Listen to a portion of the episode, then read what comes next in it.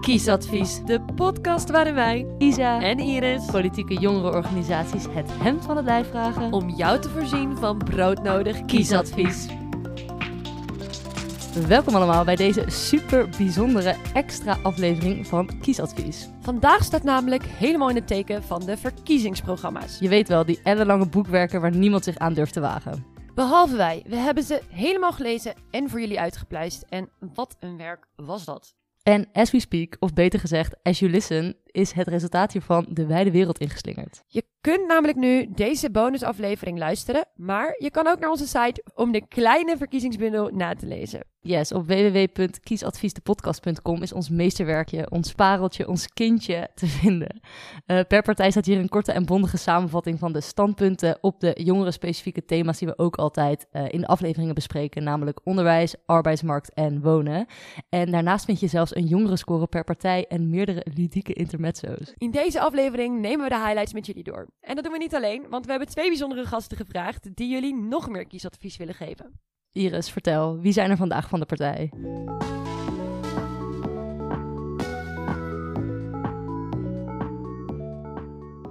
Dat zijn Jochem en Floris, politicologen, performers, theatermakers, maar beter bekend als de kiesmannen. Ja, in ons uitgebreide marktonderzoek voordat we deze podcast begonnen, kwamen we al snel bij de kiesmannen terecht. Deze mannen, die normaal met z'n drieën zijn, proberen al sinds 2017 de verkiezingen gezellig te maken. Dit doen ze geheel op eigen manier in het theater met een heuse verkiezingsshow. Maar door de huidige omstandigheden van de pandemie helpen zij jullie ook een beetje met hun eigen podcast. Goedemorgen heren, of inmiddels uh, middag. Goedemiddag dames. Dankjewel dat we langs mochten komen in dit mooie pakhuis. Ja, en hartstikke bedankt uh, dat jullie ons willen vergezellen tijdens onze zoektocht naar informatie in de verkiezingsprogramma Jungle. Nou ja, ik, ik, moet wel meteen even zeggen, jullie bedankt. Want we hebben natuurlijk al een, uh, een voorpublicatie gekregen van jullie uh, verkiezingsbundel. En dat spaart ons echt heel veel werk. Maar ik denk sowieso ja, dat spaart... holy shit. Jullie hebben nu ook al een betere website dan wij. Ja, jullie doen het gewoon veel beter eigenlijk dan wij. Dus, dus dank dat jullie langs zullen komen, moet ik Ja. zeggen. nou, heel erg graag gedaan. Ja, Zouden jullie, sowieso. eh, eh, voor de luisteraars die jullie nog niet kennen, jullie even kort willen voorstellen wie jullie zijn en wat jullie doen binnen het politieke landschap? Yes. Eh, Floris, ga jij het doen? Nou ja, je bedoelt eh, gewoon ja, wie jullie kiesmannen persoonlijk zijn. Ja, Oh, kiesmannen, maar ook jullie twee natuurlijk. Nou, Nee. ik, eh, ik ben eh, Jochem, 26 jaar en eh wij komen alle twee, Floris en ik, uit Amsterdam. Dylan kon er vandaag helaas niet bij zijn, ook Amsterdammer. 2017 begonnen met, met de kiesmannen. Eigenlijk een beetje op dezelfde manier zoals jullie zijn begonnen met, met kiesadvies. Een beetje dat jullie dachten, hè, ik weet niet wat ik moet stemmen. Ehm, en ik kan nergens op een, op een leuke, makkelijke manier vinden hoe ik daarachter kan komen. En toen zijn we begonnen met het organiseren van verkiezingsshows. Ehm, dat was de eerste keer vier jaar geleden. Eh, bij de, de vorige algemene verkiezingen in Nederland. En dat hebben we toen bij allemaal verschillende verkiezingen gedaan. Dus gemeenteraadsverkiezingen, Europese verkiezingen. En nu eh, zijn we weer terug bij af. Dus ehm dat is ontzettend leuk. niet geheel. We zijn gewoon bij de volgende verkiezingen. Nou, we zijn bij de volgende, ja, niet terug bij af. Op zich, het gaat heel goed. En eh, we, we hebben het nu, zijn we het voor het eerst echt fulltime aan het doen. Dus niet meer naast de studie, maar eh, net, net klaar met studeren en nu helemaal vol voor deze verkiezingen. Nice. Fantastisch. En Floris? Ja, ik, ehm, ik ben inderdaad Floris. eh, even oud als, als Jochem. In die zin ook nog een jong broekie. Ehm, ik heb eh, geschiedenis en economie gestudeerd. En geef nu ook zelf les aan de Universiteit van Amsterdam. Politieke eh, filosofie. Superleuk. superleuk om, ook om hier met jullie vandaag over die verkiezingsprogramma's te praten. Want we hebben het zelf ook een beetje in onze podcast over gehad. Ik denk dat het super belangrijk is dat we weten wat die partijen nou precies willen. En tegelijkertijd is het ook heel lastig om daar op een goede manier achter te komen. Omdat als je die, nou jullie hebben het zelf natuurlijk ervaren. Hè? Als je al die verkiezingsprogramma's doorleest, dan ben je nog meer aan het lezen dan de hele Bijbel volgens mij. Dus, ehm, ik Die hebben we nog nooit gelezen trouwens. maar- Nee? De Bijbel. Ja, jij hebt nee. zeker niet in een bijzonder onderwijs gezeten. Eh, nee, ja, wel, Montessori heb ik gedaan. Ja? Ja, dus dat is wel bijzonder onder, maar niet Maar christelijk. Nee, niet christelijk, christelijk. nee. Nou, wat als je nou denkt van holy fuck, waar hebben ze het nu over, lieve luisteraars? Daar gaan we het dus vandaag uitgebreid over hebben. Precies. Ja. Ehm, maar ik heb er echt heel veel zin in. Ik ook. Maar We jullie zijn dus vier jaar geleden ook een beetje als politiek onwetende eh broekjes begonnen. Nee, Ja. wij waren wel echt wetend. wel. Ja, oké, precies. wel even een belangrijk verschil namelijk. Nee, We, ja. we hadden altijd wel soort van die interesse in, in die thema's was er altijd. We, we zaten met z'n drie bij een interviewplatform op de, op de UvA, waarin we vaak politici interviewden en mensen uit het maatschappelijk veld. Ehm, daar hebben we wel veel ervaring op gedaan. Niet alleen eh, inhoudelijk, maar ook eh, op het podium. En toen dachten we, dat gaan we combineren in de vorm van verkiezingsshows. Ja. Eh, dus we hadden altijd wel een, een sterke interesse in politiek. En dat hebben we nog steeds. En dat vinden we ook heel leuk om dat op, een, op die manier te communiceren. Op een leukere manier naar onze eigen doelgroep. Ja, en wat ook wel leuk is om te zeggen, is dat wij hadden natuurlijk vier jaar geleden, dus vorige verkiezingen, dachten van hoe kan het nou dat al onze vrienden nog steeds op de partijen van hun ouders of van hun vrienden weer stemmen? Mensen moeten echt zelf een keuze gaan maken. En om dat te kunnen doen, moet je wel weten, nou, op, wat voor, op welke informatie gebaseerd je een keuze maakt. Ja. En toen dachten we, oké, we gaan die verkiezingsshows doen. We dachten ook dat we het wiel hadden uitgevonden, dat we de enige waren die daarmee bezig eh, waren. Dat is al sowieso of niet? Ja, maar goed, eh, zeg maar, we hadden het plan gemaakt en een week later kwam volgens mij de stembus van Tim Hofman. Oh ja. En die Oh. claimde alle fame, waardoor wij een soort van eh, tweede werden. Shit. Oh. Maar wat nu Zo wel echt B- leuk is om te zien, is... eh B-artiesten, zijn maar altijd gebleven. Maar wat wel echt leuk is om te zien, althans vind ik, is dat we nu deze verkiezingen zien dat er echt zoveel eh, nieuwe eh, initiatieven uit de grond worden gestampt die heel veel ook zich richten op jongeren. Jullie podcast is daar een voorbeeld van, maar je hebt ook gewoon heel veel Instagram-pagina's die zo goed mogelijk proberen mensen aan het stemmen te krijgen. Dus ik ben daar eigenlijk heel erg verheugd over. Ja, is ons ook wel heel erg opgevallen. Alle, alle dingen die de grond uitgestampt worden. Zeker op Instagram is daar geloof ik het eh, perfecte medium voor, voor de meesten. Ehm, we hadden eigenlijk eerst even een ijsbreekje voordat we echt gaan beginnen. Want het woord verkiezingsprogramma's is nou echt al best wel vaak gevallen. En ten eerste is echt een tongbreker. En ten tweede, eh, Je had echt heel veel moeite met het woord steeds typen ook vooral. nou, ik vond het heel lang en Ja. eh, ongezellig. Dus we hadden eigenlijk kunnen vragen of jullie een betere naam weten voor het vervolg. Jullie zijn altijd zo creatief met jullie eh, eh, geweldige, hoe heet het ook weer, verkiezingsvoorstellen? Waanzinnig wetsvoorstel. Waanzinnig wetsvoorstellen. Dus jullie moeten vast ook een waanzinnig voorstel hebben voor, om dit beter eh, Voor een betere naam. Want, want Ja. jullie vinden het woord verkiezingsprogramma gewoon saai. Ja, en lang. saai en lang. Ja, en dus- niet Maar we kunnen het wel aantrekkelijk. gewoon korter doen. Kijk, VP. Het, het woord verkiezingsprogramma komt letterlijk volgens mij van, eh, van het eerste pro- partijprogramma. Namelijk eh, van Abraham Kamper. En dat heette, dat partijprogramma heette daadwerkelijk ook het programma. Dus we kunnen het gewoon programma noemen. Klinkt misschien een programma. beetje raar, maar wel Programma. grappig. Het programma. Het klinkt ook alweer uit 1800. Ja, daar komt het ook nog weer vandaan, toch? Het is in 1902 of zo, wat was het? Ja, Hoe weten jullie dit ook allebei? ja, dit hebben wij dus wel voorbesproken. nice, netjes. Wat een voorbereiding. We kunnen het ook wel teaser noemen, want het is in principe een soort van een, Oh, een teaser van wat er aankomt. Heel goed. De Verkiezings- verkiezingsteaser. Ja, vind ik beter. Zo'n VT. goeie, ja. Oké, houden we het daarbij. We hebben ook nog een echte ijsbreker. Ja, dat, dat doen we was- altijd. Dat was onze snackcheck. Dat, ja, wij kwamen zelf met koffie, want wa- dat was het enige wat ons door deze, eh, ja, wat, hoe, hoe is dit te noemen, door deze rompslomp heen eh, hielp. Eh, En jullie hadden een snackje voor bij de koffie meegenomen. Dat was echt heel fijn. lief, thanks. Ja, Nou. Nou, normaal hebben we hier natuurlijk een heel verhaal bij waarom dit past bij de partij die we interviewen. Maar is er nou een snack die wat jullie betreft perfect bij de partijprogramma's past? Of uh, is wel Heel moeilijk, wel saai droog brood. Ja, En kijk, de appel bij de SP natuurlijk. En de, tomaat. Tomaat. de tomaat, de tomaat, Ja, sorry. ja, ja, ja, ja. appel. De appel. Ja, en de banaan bij de VVD. en, eh, En dan heb je ook, nee, en... eh, Maar er is niks alomvattends, hè? Dat is misschien ook wel het probleem. Ja, gewoon een fruitmans misschien. Ja, goeie. Of een bak M&M's. Die was hebben toch misschien heel ook wel vaak beter voorbij geweest dan de cinnamon rolls.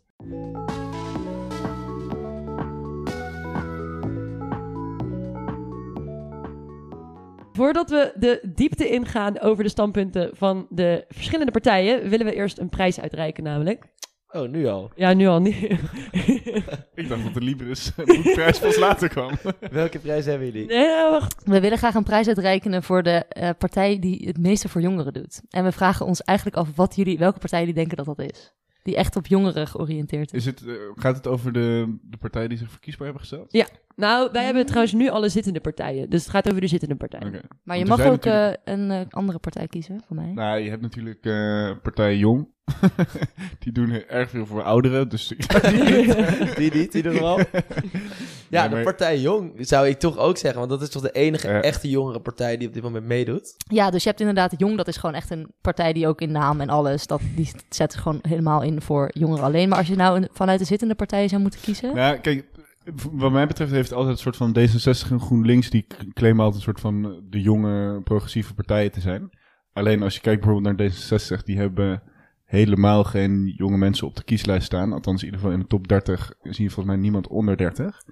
Ehm, met GroenLinks is dat wel wat anders. Die proberen ook echt daadwerkelijk jonge mensen eh, op de kandidatenlijsten te krijgen. In ieder geval mensen onder de 30. Maar, maar jullie vraag is eigenlijk, want je hebt natuurlijk, eh, als het gaat om jonge mensen op de lijst, dus Mhm. dat is één ding. En Een heel terecht punt van Van Floris, daar, daar loopt bijvoorbeeld een partij als D66, waarvan je dit misschien niet verwacht, loopt daar dus best wel achter.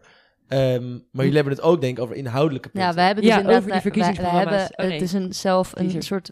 We hebben zelf een soort mini-onderzoekje gedaan naar eh, hoe vaak het woord jongeren wordt genoemd. En het woord student en het woord starter. Dus we hebben een soort van ctrl-f-knop en dan eh, gecorrigeerd voor het aantal Mhm. pagina's. Nice. Dat is dus ook te vinden in de, de kleine verkiezingsbundel met een hele mooie epic pie chart. Isa heeft erg de best gedaan op al deze eh, grafieken en Ja, dingen. ik ben echt een onderzoeker, hè, dus dat ik kom hier helemaal... helemaal Oké, eh, vertel. En Goed, degene die heeft gewonnen is inderdaad D66. Dus die noemde het, die worden het vaakst eh, in, in verhouding tot de aantal pagina's. En daarna komen GroenLinks en Partij van de Arbeid. Dat Ja. is onze top 3 geworden. Nog een mini-disclaimer. We hebben ons onderzoekje intussen geüpdate aan de hand van de meest recente verkiezingsprogramma's. Eh, en nu komt het CDA het beste uit de bus. Dus lees alles over hoe en wat in de verkiezingsbundel. Maar, want, ehm, en voor de luisteraars, wij hadden het hier natuurlijk voor de uitzendingen ook al heel erg over. En toen zei je dat er wel een kleine nuance te plaatsen is met het gebruik van het wo- eh, woord jongeren. Ja, tuurlijk, want D66 is de onderwijspartij. Dus die heeft dan ook heel veel geschreven over onderwijs, over studenten en over jongeren. Dus dat is al een beetje te verklaren. Ja. Eh, maar we hadden bijvoorbeeld ook partijen die niet in de top 3 staan. eh, maar die naast al onze onderwerpen, al onze standaard onderwerpjes, eh, ja, niet zich heel erg positief uitlaten over jongeren. Nee, dus als je ctrl-f op jongeren, dan krijg je ook hangjongeren en probleemjongeren. en eh, jongeren die problematisch drugs en alcohol gebruiken. En dat viel ons Johan. ook wel. ja, Hey, erg gezellig. Welke partij was dat? dat Nou, was de VVD. Het waren meerdere partijen hoor, maar bij, Ja. onder Oh. andere bij de, bij de VVD en bij, er was er, ja, ik zit even te denken. Het viel me het meest op bij de VVD. Dat op Ctrl-F jongeren heb ik alleen maar hangjongeren, probleemjongeren Wij komen en op dan voor nog de één keer iets hangjongeren. anders. Ja, en dan ook echt, je moet de hangjongeren onder de duim krijgen. Dat, weet je, die, dat soort taal wel. Maar goed, dus het is inderdaad, inderdaad, als je inderdaad naar die nuance krijgt, die is er wel zeker. Want het gaat Ja. natuurlijk ook om hoe ze het erover hebben. Dat hebben we niet onderzocht. Dus maar bij nog, nog, heel even, disclaimer. nog heel even dat, dat punt, Iris. Ehm, wat, wat ik wel grappig vond, dat je zegt van D66 is natuurlijk de onderwijspartij. Ja, dat Ik was- vind, het, ik vind het toch altijd grappig hoe partijen dat weten te claimen. Hè? Hoe ze dat hebben geframed. Ja, daar gaan we Ja. misschien straks nog over hebben als we het over die, die thema's hebben. Maar dat is dus eigenlijk, is voor D66, die zou echt blij zijn om dit te horen. Omdat ze natuurlijk altijd zo framen. Maar het, ja, elke partij vindt wat over onderwijs. wa- was, Dus wat inderdaad ook betekent wel, dat nou eigenlijk, de onderwijspartij? was inderdaad ook wel een van de vragen aan D66 voor, van ons. Want ja. Ja. in hoeverre ben je nog de onderwijspartij? Eh, Ik bedoel, je moet dan ook wel met een goed plan komen. Nou, is dat, hebben ze dit jaar wel echt een heel uitgebreid onderwijsplan gemaakt natuurlijk. ja, ook nog apart van het verkiezingsprogramma. Apart van het verkiezingsprogramma. Dus misschien hebben ze dit jaar dan wel terecht geclaimd. Maar in de afgelopen jaren denk ik zeker bij D66 dat veel studenten... soms. Hebben jullie nog andere opvallende jongere punten gespot in de verkiezingsprogramma's? Of Ja, of wat is jullie opgevallen in de kleine verkiezingsbundel? Of wat, eh, wat, wat viel op in de online campagnes van partijen? Nou, wa- wat ik eigenlijk wil zeggen, maar ik weet misschien is dat niet een heel erg populair eh, standpunt hier in deze podcast. Maar ik vind het altijd ook interessant om te bedenken, wat zijn nou jongere thema's? En dat wil ik ook wel graag met jullie bespreken, want ehm, eh, als er, heel vaak als er wordt gesproken, en dat, dat hebben jullie volgens mij ook in die samenvattingen gedaan, wat echt super belangrijk is, en heel van jongere thema's is dus leenstelsel, het gaat over goedkoop kunnen huren, dat soort thema's. Maar ja, je zou ook kunnen bedenken dat eh, jongeren juist eh, thema's als het klimaat bijvoorbeeld, of die juist heel erg begaan zijn met, met migratie, dat het ze misschien niet direct effect op ze heeft, maar dat er wel heel veel jongeren zijn die ook die thema's heel belangrijk vinden. Dus ik vind de, ook met de vraag van wat is nou de beste jongerenpartij, ehm, hangt van de jongeren dat- ja, dat wordt Ja. heel erg dan vaak in het eigen belang nagedacht van wat is nou het best voor jongeren, maar niet per se wat vinden jongeren nou het meest belangrijk. Want als je kijkt naar welke thema's vinden jongeren belangrijk, dan kan het ook veel meer thema's zijn dan alleen huisvesting of, eh, of onderwijs bijvoorbeeld. Ja. Dus, Ja, ben je is- daarmee mee eens of niet? Nou, mo- moeten we dit eruit knippen? Nee, Nee, helemaal niet. Ik dacht namelijk eigenlijk dat je een andere kant op zou gaan. Namelijk niet dat je... Want dat, ja, natuurlijk, mensen hebben natuurlijk ook andere interesses en andere thema's. En dan zouden dat ook weer thema's kunnen worden van die doelgroep. Maar ik denk juist met die jongere thema's is dat we inderdaad, en daar maak je wel terecht punt, dat we te veel zitten op wat is op, op de korte termijn goed voor ons en chill. Terwijl thema's zoals pensioen eigenlijk veel belangrijker zijn voor Ja, ons. dat is ook gewoon een Van hoe jongere gaan we in godsnaam eh, de hele eh, rekening betalen van deze crisis? Komt waarschijnlijk, wordt verhaald op ons werkende leven. En als we ons daar nu niet mee gaan bemoeien, nou, dan wordt het lastig. En dat zien we ook Dus wel de vraag is eigenlijk welke partij zit zich in voor pensioenen? Nou, En nee, dat maar, is dan de jongere partij. nee, maar je hebt bijvoorbeeld wel echt een paar partijen die zich inzetten voor bijvoorbeeld een, een eh, jongere reken, eh doorrekensom voor beleid. Ja. Dat generatietoets, inderdaad. Precies, een generatietoets. En daar gaan we het zo ook nog over hebben. Maar dat zijn gewoon eh, toetsen die ervoor zorgen dat eh, eh, regelgeving of beleid niet onevenredig hard de jongeren gaan treffen. En dat kan dus eigenlijk op alle speelvelden zijn. Ja, we moesten kiezen, jongens. Drie thema's. Nee, snap ik. wel. Dus welke thema's, welke ons thema's hele, hebben ons jullie hele format gewoon naar beneden gehaald. eh, de Nee, want nee, je moet ergens op focussen. is- nee, dat is helemaal... Nee, nee, grapje, nee, grapje, nee, grapje. Maar even voor de, voor de lieve luisteraars, want we gaan het vandaag hebben over wonen, werken en onderwijs. Yes. Een soort van de drie klassieke thema's. Yes. En ik denk ook helemaal niet een slechte keuze, want rondom die thema's kan je heel goed ideologisch zien welke partijen waar staan.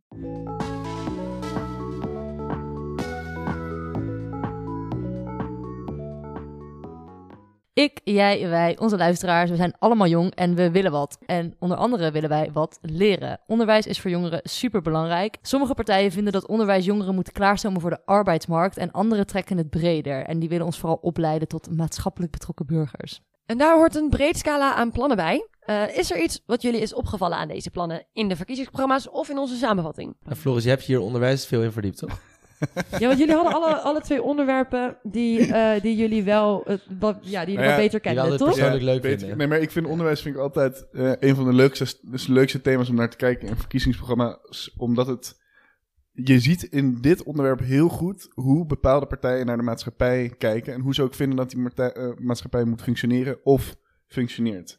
Dus het typische eh, beeld van eh, onderwijs is natuurlijk dat PvdA, GroenLinks, iets linkse partij, die, moeten, die willen heel graag dat een soort kansengelijkheid wordt gecreëerd op scholen.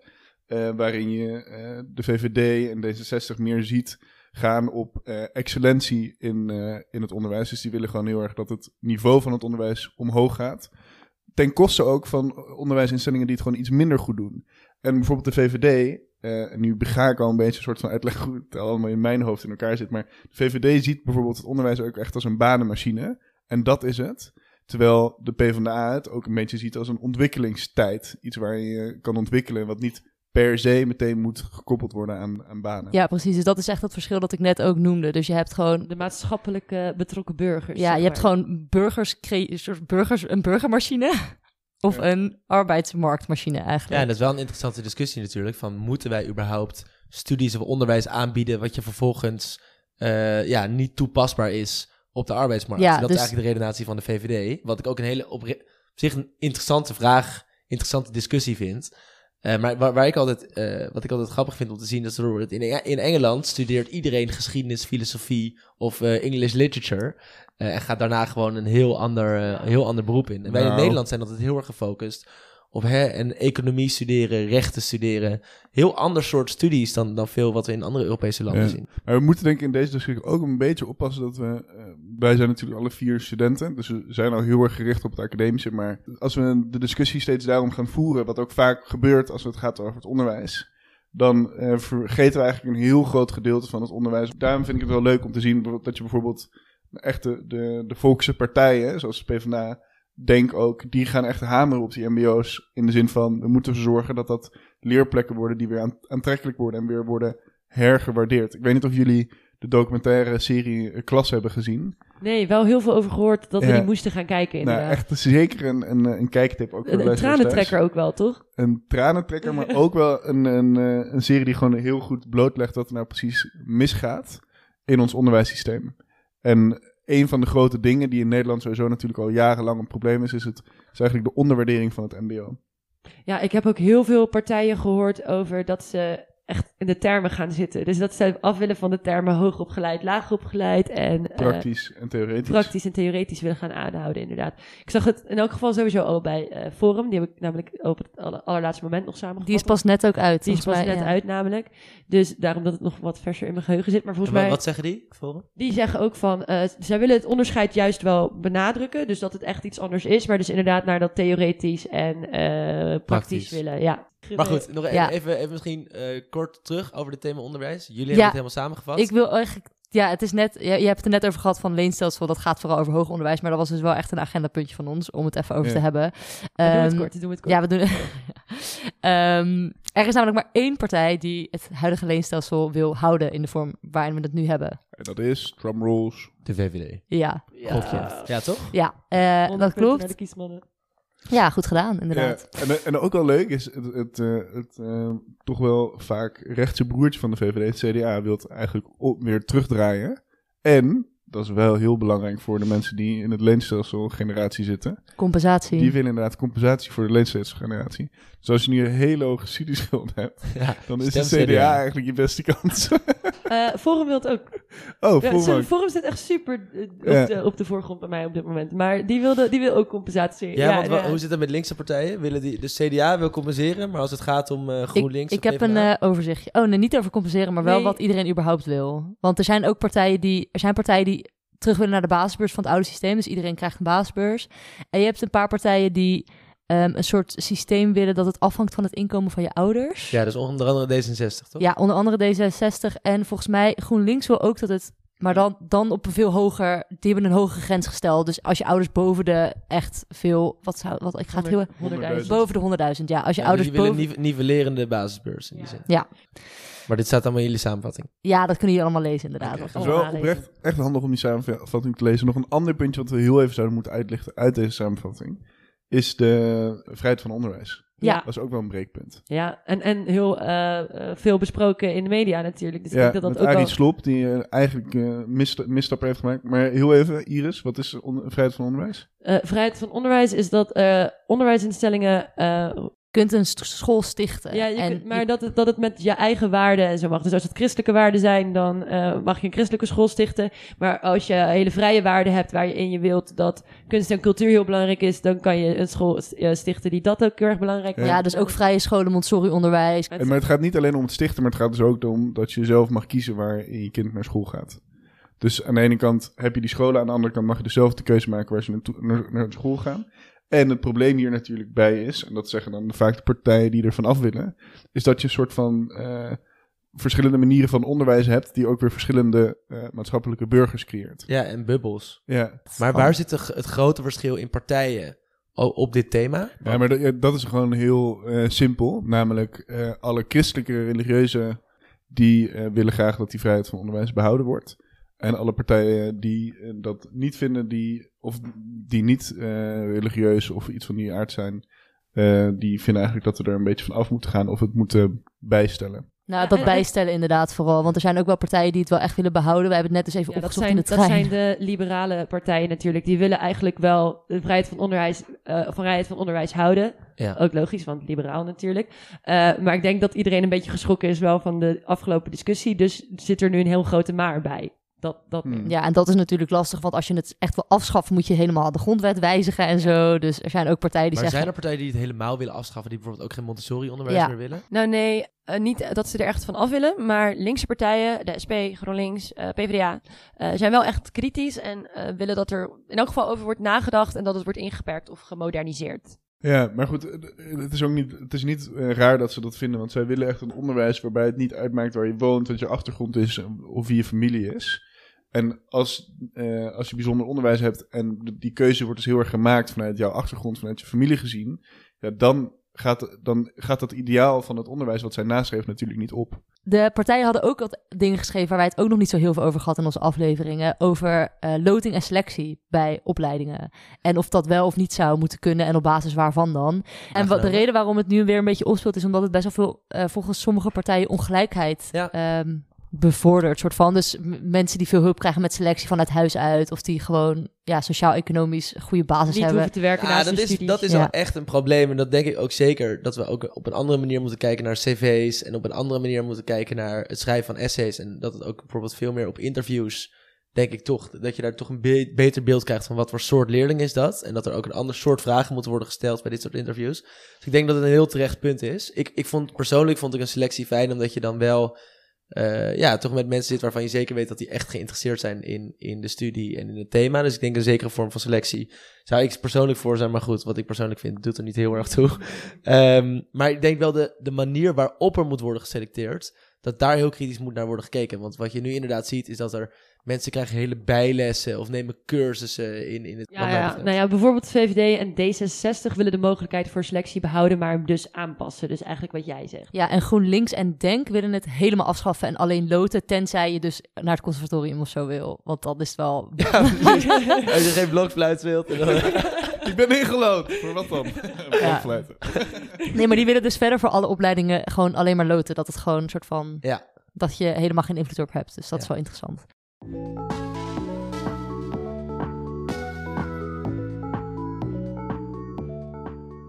We zijn jong en we willen wat leren, maar misschien nog wel belangrijker, we zijn jong en we willen een dak boven ons hoofd. Ja, bijna alle partijen erkennen de problematiek van de woningmarkt, maar de oplossingen lopen heel erg uiteen. Ja, zo willen sommige partijen goedkopere woningen door meer aanbod, dus eh, waarbij de marktwerking dus eigenlijk wordt gebruikt om woningen betaalbaar te maken. En andere partijen willen juist die marktwerking hard aanpakken. Kiesmannen, wat is jullie opgevallen aan de plannen over de woningmarkt? En zat er misschien een waanzinnig wetvoorstel tussen?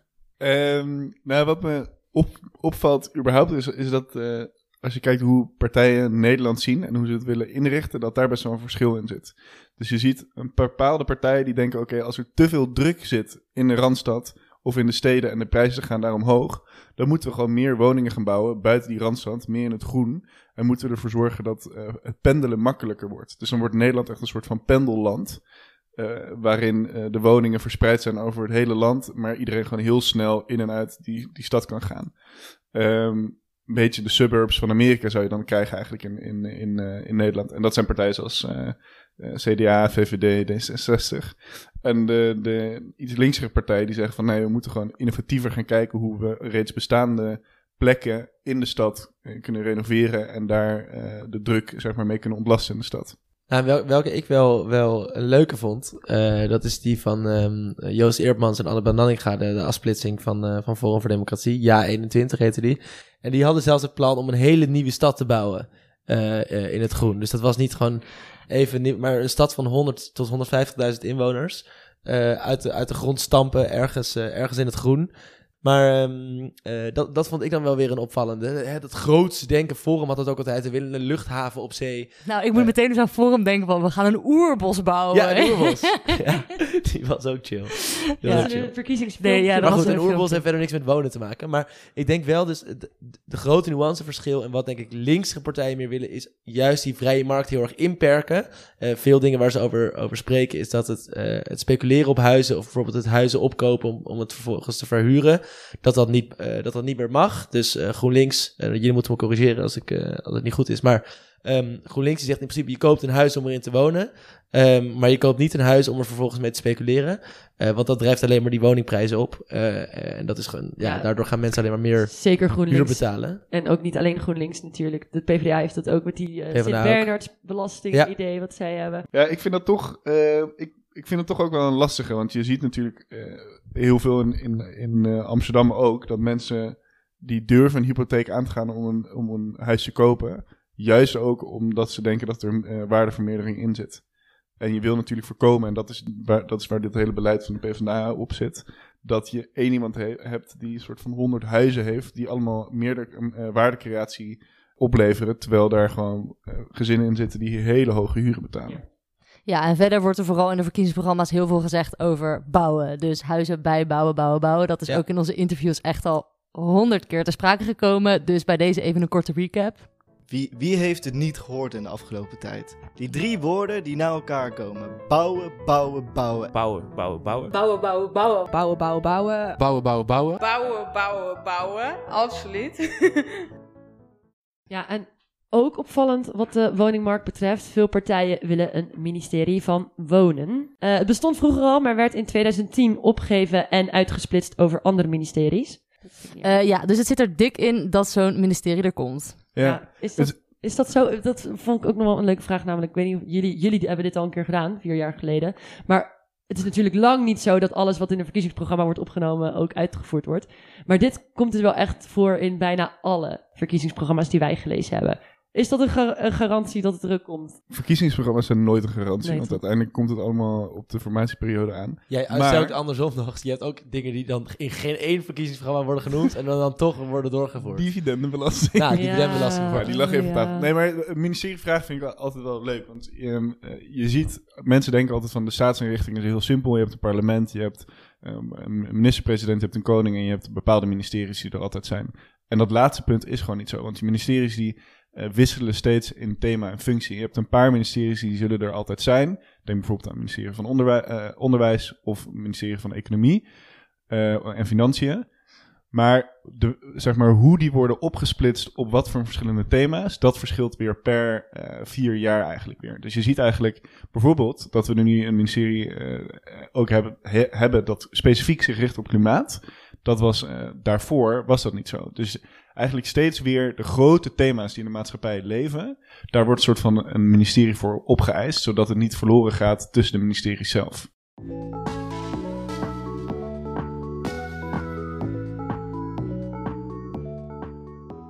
We gaan naar het eh, laatste thema en dat is de arbeidsmarkt. Dus we zijn allemaal jong, willen wat leren, ergens wonen, maar dat gaat allemaal niet lukken als we nergens kunnen werken. Dus dat willen we ook. Nou, ik heb het, we hebben het al besproken, ook toevallig in de vorige aflevering met de Partij voor, eh, voor de Dieren, maar ik vond het basisinkomen wel interessant. En we dachten dat alleen de Partij voor de Dieren dit in het verkiezingsprogramma had staan, maar we kwamen er net kort eh, extra onderzoekje achter dat er wel wat meer partijen zijn die het in ieder geval het idee omarmen of Ja, het Jochem- willen onderzoeken. Jochem eh, die wees ons er inderdaad op dat het vor- vorige week in het congres van eh, GroenLinks ook eh, in dat pro- partijprogramma is gezet. Ja, nou, ik weet, deze discussie speelt volgens mij al tien jaar of zo. En dat heeft een beetje die relevantie gekregen, ook naar het boek van Rutger Bregman, toch?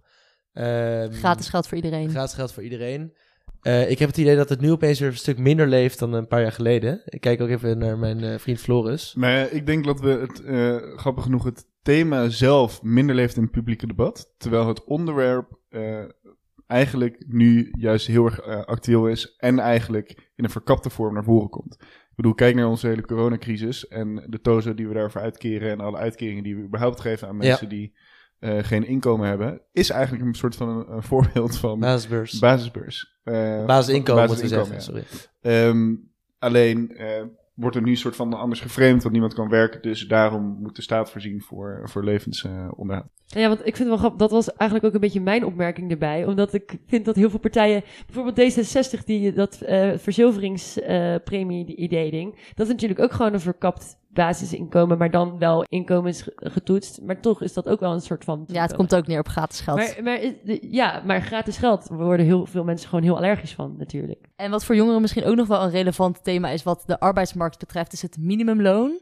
Ehm, dat willen een aantal partijen verhogen naar 14 euro. En we hadden het hier net al over dat dat een verhoging is van 40% Dus dat is best wel een eh, sterke verhoging. Het gaat dan van ongeveer 10 euro naar ongeveer 14 euro als je het eh, even makkelijk eh Ja, dat- dat samenvat. is, kijk, dat is denk ik wel interessant als we het hebben over de arbeidsmarkt. Is dat we eigenlijk zien dat, in, dat de brede trend van rechts en links, alle partijen, dat die eigenlijk op het thema economie en arbeidsmarkt, dat die redelijk naar, naar links opschuiven, zou je kunnen zeggen. Dus zelfs een partij als de VVD heeft letterlijk in het verkiezingsprogramma staan, eh, even kijken wat hierbij We willen het minimumloon Eh, verhogen. werk aantrekkelijker maken door hoger minimumloon. Nou, ze zegt er geen percentages aan, maar het feit dat het er überhaupt al in staat, ehm, laat wel zien dat partijen hier eh, eh, ja, meer, toch meer bewust over zijn van dat minimumloon moet omhoog. Maar, maar dat is dus wel echt een interessante trend. En dat zie je niet alleen met het minimumloon, maar dat zie je ook met eh, werkzekerheid eigenlijk. Is dat je ook ziet dat rechtse partijen steeds meer hameren op... we moeten die flexcontracten niet meer zo flex eh, maken. Flex ja. moet minder flex. Ja, Flex moet minder flex flex. of minder flex. En Eh, vast moet minder vast. ook. eh, Maar- en vast moet ook iets minder vast, inderdaad. Dit Maar was een quote van Hielke trouwens, van het CDA. Oh ja? Oké, grappig. Maar dat, dat, dat- maar dat geeft dus inderdaad wel aan, dus ook rechtse partijen zijn heel erg bezig met dit thema van werk, iets, iets meer zekerheid. Dat is zowel in het minimumloon, zie je dat terug, als eh, eh, heel veel partijen willen ook van nul uren contracten af, bijvoorbeeld vooral linkse partijen. Ehm, eh, dat, dat, dat is wel echt iets wat, wat opvalt in deze partijprogramma's en waar ook echt po- politieke journalisten heel erg over eens zijn en bijna verbaasd over waren dat zeker bijvoorbeeld het VVD-programma eh, zo links was op, op economische thema's en meer op culturele thema's, misschien wat rechtser. Ehm, Ik zie Floris in, in, in slaap vallen ondertussen. Nee, nee. het is, ja, sommige mensen vinden het een interessant thema, sommigen hebben er ook ik vind het reuze interessant. En ik denk waar we het nog niet over hebben gehad, wat ook goed is om, te, om over te hebben, is natuurlijk... Aan de ene kant hebben we het over het inkomen wat, je, wat aan werk wordt gekoppeld. Wat zorgt voor een bepaald eh, levensstandaard. Aan de andere kant, eh, een discussie die we ook steeds vaker voeren in de afgelopen tijd, is het... eh, is de andere dingen die ook nog meekomen met werk, namelijk verzekering, eh, premies, noem het maar op, Ja. die vaak gekoppeld zijn aan eh, een een vaste werkrelatie. En wat we nou zien in Nederland is dat steeds meer mensen geen vaste eh, werkrelatie meer hebben, maar dat ze ZZP'er zijn. Nou, deze crisis heeft daar, heeft dat debat zeg maar ook weer verscherpt. Omdat je ziet dat mensen die ZZP'er zijn, nu eigenlijk echt de klos zijn. Want dat zijn mensen die niet eh, onder een soort van organisatie vallen, niet onder een institutie vallen, die dus bepaalde regelen, regelgeving minder goed hebben gefixt. Geen eh, vangnet hebben waarin ze het kunnen terugvallen. En daar gaat het gewoon heel snel mee achteruit met die mensen. Dus Ja, want dit is misschien- zijn echt een beetje de klos eigenlijk. Dit is misschien wel een leuke persoonlijke noot, want jullie zijn volgens mij ZZP'ers. Eh, echt de klos. ja, hoe, hoe erg de klos zijn jullie? Zeker nu Nee, met de kijk, corona. Wij zijn, wij zijn, nog, eh, wij zijn nog jong. Eh, en dat is, je, kun je- grappig over doen. Maar wij zijn nog wel in de positie om ons makkelijk aan te passen. Eh, wij zitten niet in een bepaalde sector waar we maar één ding kunnen en moeten worden omgeschoold of zo. Wij zijn ons voortdurend aan het omscholen, eh, zou, zou je kunnen zeggen. Dus ik denk, wij, wij redden ons wel. Wij zijn niet de kwetsbare groep. En je hebt ook Ehm, nog geen kinderen die je moet voeden. En nee, we hebben een hele lage lasten ook nog. Ja, dus, dus uiteindelijk, wij, ja, wij, wij, wij redden ons wel in deze crisis. Ehm, maar een van de dingen die ik heel interessant vond, ook, ook eh, aansluitend op wat Floris zegt, is die verplichte basisverzekering voor arbeidsongeschiktheid. Eh, dus wat gebeurt er op het moment dat je opeens niet meer kan werken? Ehm, we hebben heel veel verzekerd in, in Nederland en we hebben een ver- verplichte ziekteverzekering. Ehm, maar we hebben niet een verplichte eh, arbeidsongeschiktheidsverzekering voor ZZP'ers bijvoorbeeld. En dit is ook iets waar, wat er waarschijnlijk wel echt gaat komen, als je, als je die vraag stelt van nu, want zelfs een VVD die, die daarvoor is, eh, voor zo'n voorstel, is dat eh, ZZP'ers verplicht ehm, eh, ja, zo'n arbeidsongeschiktheidsverzekering hebben. En dat is dus ook een soort van verlinksing, hè? want dat neemt ook, het perkt je ook iets van vrijheid in. Dat betekent ook gewoon dat wij meer gaan betalen voor een, verplicht gaan betalen voor een, Verzekering. voor een verzekering. Maar het, het geeft ook weer een beetje meer zekerheid dat we niet mensen laten vallen die uiteindelijk in de knel Ja, komen. want een meer rechts- of liberaal standpunt zou zijn... eh, als je verzekerd wil zijn, dan kan je dat zelf ook sparen als ZZP'er, Nou, het is een keuze. Ja. En dat luisteren de SGP en zo, die hameren er ook op. Het is een keuze om ZZP'er te worden, vaak. Althans, eh, linkse partijen die, die betwisten dat soms. Maar dat, dat is wat er vaak wordt geredeneerd. Het is jouw keuze en jij kan ook zelf dus geldpotjes sparen en, en risico inschatten van wat gebeurt er als je, als je dat niet wil doen. Ja, niet alles... Er, er is ook wel zeker wat in te, in te zien. Ja, je, je wil soms ook niet alles dicht moeten timmeren, verplicht. Ja, want ik las bijvoorbeeld ook dat er eh, bij een aantal partijen dat ze eh, verplicht wilden dat, er, dat ze pensioenenverzekeringen, dat dat, dat, dat ook Ja. voor ZZP'ers verplicht is. Maar ja, dat, dat, dat waren ook weer heel erg veel negatieve geluiden over, geloof ik. Dus dat is, dat is een beetje dezelfde discussie, neem ik aan. Pensioen is wel net een ander verhaal, omdat het natuurlijk gaat over hoe je jezelf je spaarrekening eh, op orde houdt. Want pensioen is letterlijk een spaarrekening voor als je niet meer kan werken als je Ja. oud bent. Of je Eh, meer wil werken. Dus daar, Chillen. dat is gewoon een soort van. Een, eh, ik denk dat dat in die zin een andere discussie is, omdat het dan gaat van hoe wil je zelf gaan sparen en hoe wil je ook zelf gaan leven later. Floris, ben jij al bezig met je pensioen? Eh, nou, als UvA-docent bouw ik dus een stukje pensioen op. Oh ja. Maar dat eh, ga ik nu weer eh, de deur Uitgeven. uitgooien, gezien ik ZZP'er word. Maar ik denk, dit zijn wel echt dingen waar ik wel steeds meer over wil na gaan denken. Van hoe zorg ik ervoor dat er een pensioen is? Wil ik überhaupt wel zo leven dat ik ook voor later spaar? Of wil ik leven dat ik alleen maar eh, nou, geld gebruik in het heden? Hebben we het toch nog over pensioenen gehad, hè? Dat wilde die belangrijk. graag. Ja, ja, maar ik, ik bijvoorbeeld eh, werk al vier jaar bij hetzelfde bedrijf als flexwerker. En ik kwam er dit jaar achter dat ik geen pensioen opbouwde. En dat vond ik toch wel echt even flink balen. Want ik zet me al best wel lang in voor dat bedrijf, best veel. Dus dan, dat, is ook weer in het, in het Omdat je een flexcontract. nul uren contract hebt? Ja, omdat ik een nul euro contract Ja, heb. Ja, ja. dat is toch echt wel heel erg zuur. En ik denk, zeg maar, ik wist dit niet eens. Eh, mijn hele afdeling weet het denk ik nauwelijks. Dus ik, eh, eh, ja, ik vraag me heel erg af hoeveel jongeren daar inderdaad mee bezig zijn. Ik denk weinig. Ik, Ik ben er zelf weinig. echt niet mee Maar bezig. Ik heb wel zin in de grote pensioenshow of zo, di- eh, Flo. Dat lijkt me wel echt nog leuk om een soort van een saai thema, toch, omdat het zo fucking belangrijk Toch is voor onze generatie, maken. om dat toch op een leuke manier te doen. nou, misschien moeten we bij deze dan een eh, grote pensioenshow gaan. eh, Ja, gaan ben je erbij? Ja, ik ben er helemaal bij.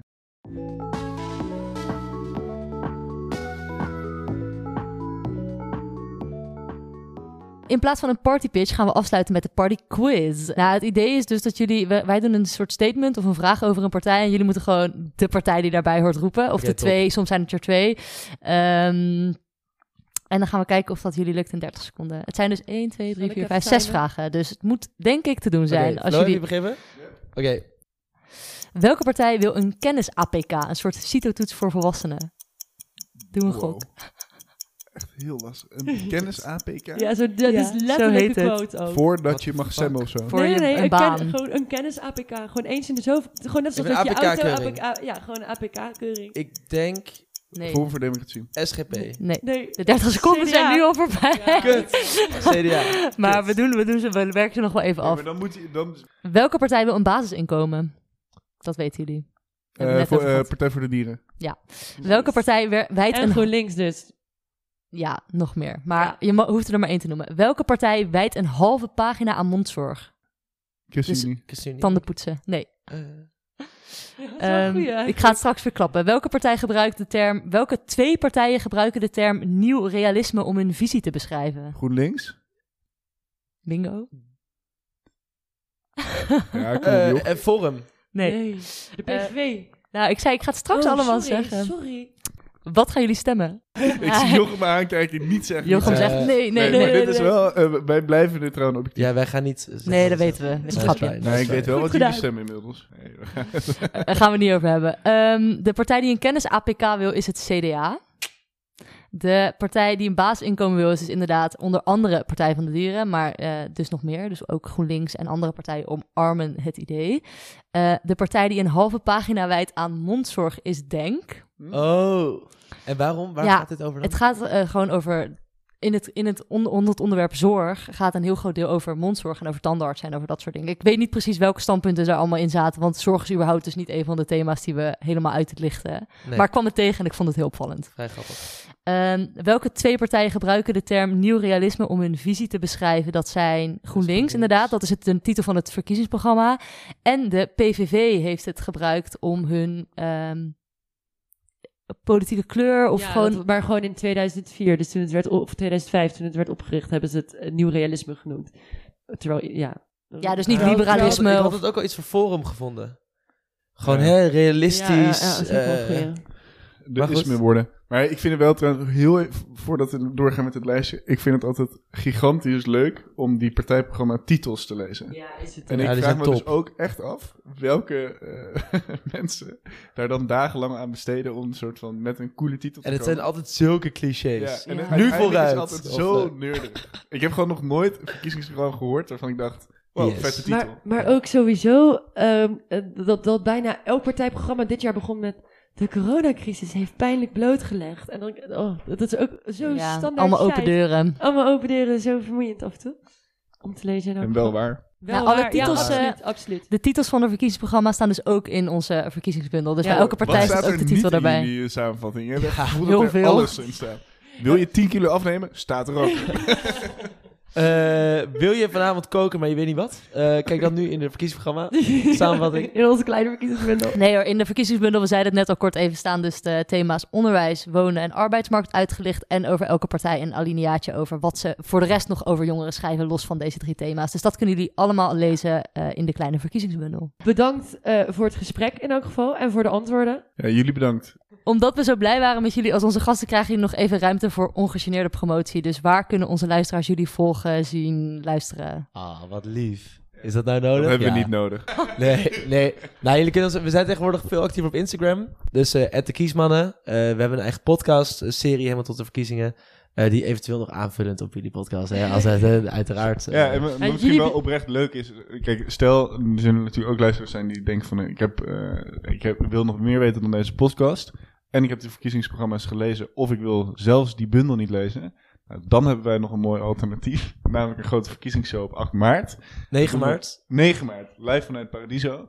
Dus eh, eh, bij deze eh, kiesadvies, ik wil jullie ook graag in ieder geval op de gastenlijst zetten voor onze show. Yes. Dankjewel. Ehm, maar ook aan alle luisteraars, mochten jullie ehm, eh, nog willen kijken, er zijn zeker nog wat kaartjes eh, beschikbaar. Maar Unli- Unlimited. unlimited. Maar vanaf kaartverkoop begint 10 maart. Of 10, eh, 10 april, Ja, sorry. 10 april. Niet pas na de show. Handig. 10 april. Nee, 10 nee, april 10 is heel laat. zeg ik. Dus ja, 10 februari. Oh nee, 10 maart. Oh nee, 10 april. 10 februari, check de kiesman op eh, je Insta. Ehm, en luisteraars, ook bedankt voor het luisteren naar deze extra lange aflevering. Hebben jullie na al dit kiesadvies nog prangende vragen? Stuur dan een mailtje naar kiesadvies.outlook.com. Of slide in onze DM op Instagram, kiesadvies de podcast. En check natuurlijk onze website voor de kleine verkiezingsbundel. Download, lees het, verspreid het, want het staat bomvol behapbaar en broodnodig kiesadvies. En we- Behapbaar? Behapbaar. Eh, en vergeet niet ons te volgen in je Favo podcast app. Je kunt eh, daar reviews en sterren geven, zodat we dit kiesadvies wijds kunnen verspreiden. En last but not least, vergeet niet onze podcast te delen met al je vrienden, vriendinnen, huisstudiegenoten, broers, zussen, neefjes, nichtjes, buren en alle andere mensen die baat hebben bij al dit kiesadvies. Tot volgende keer. Doei!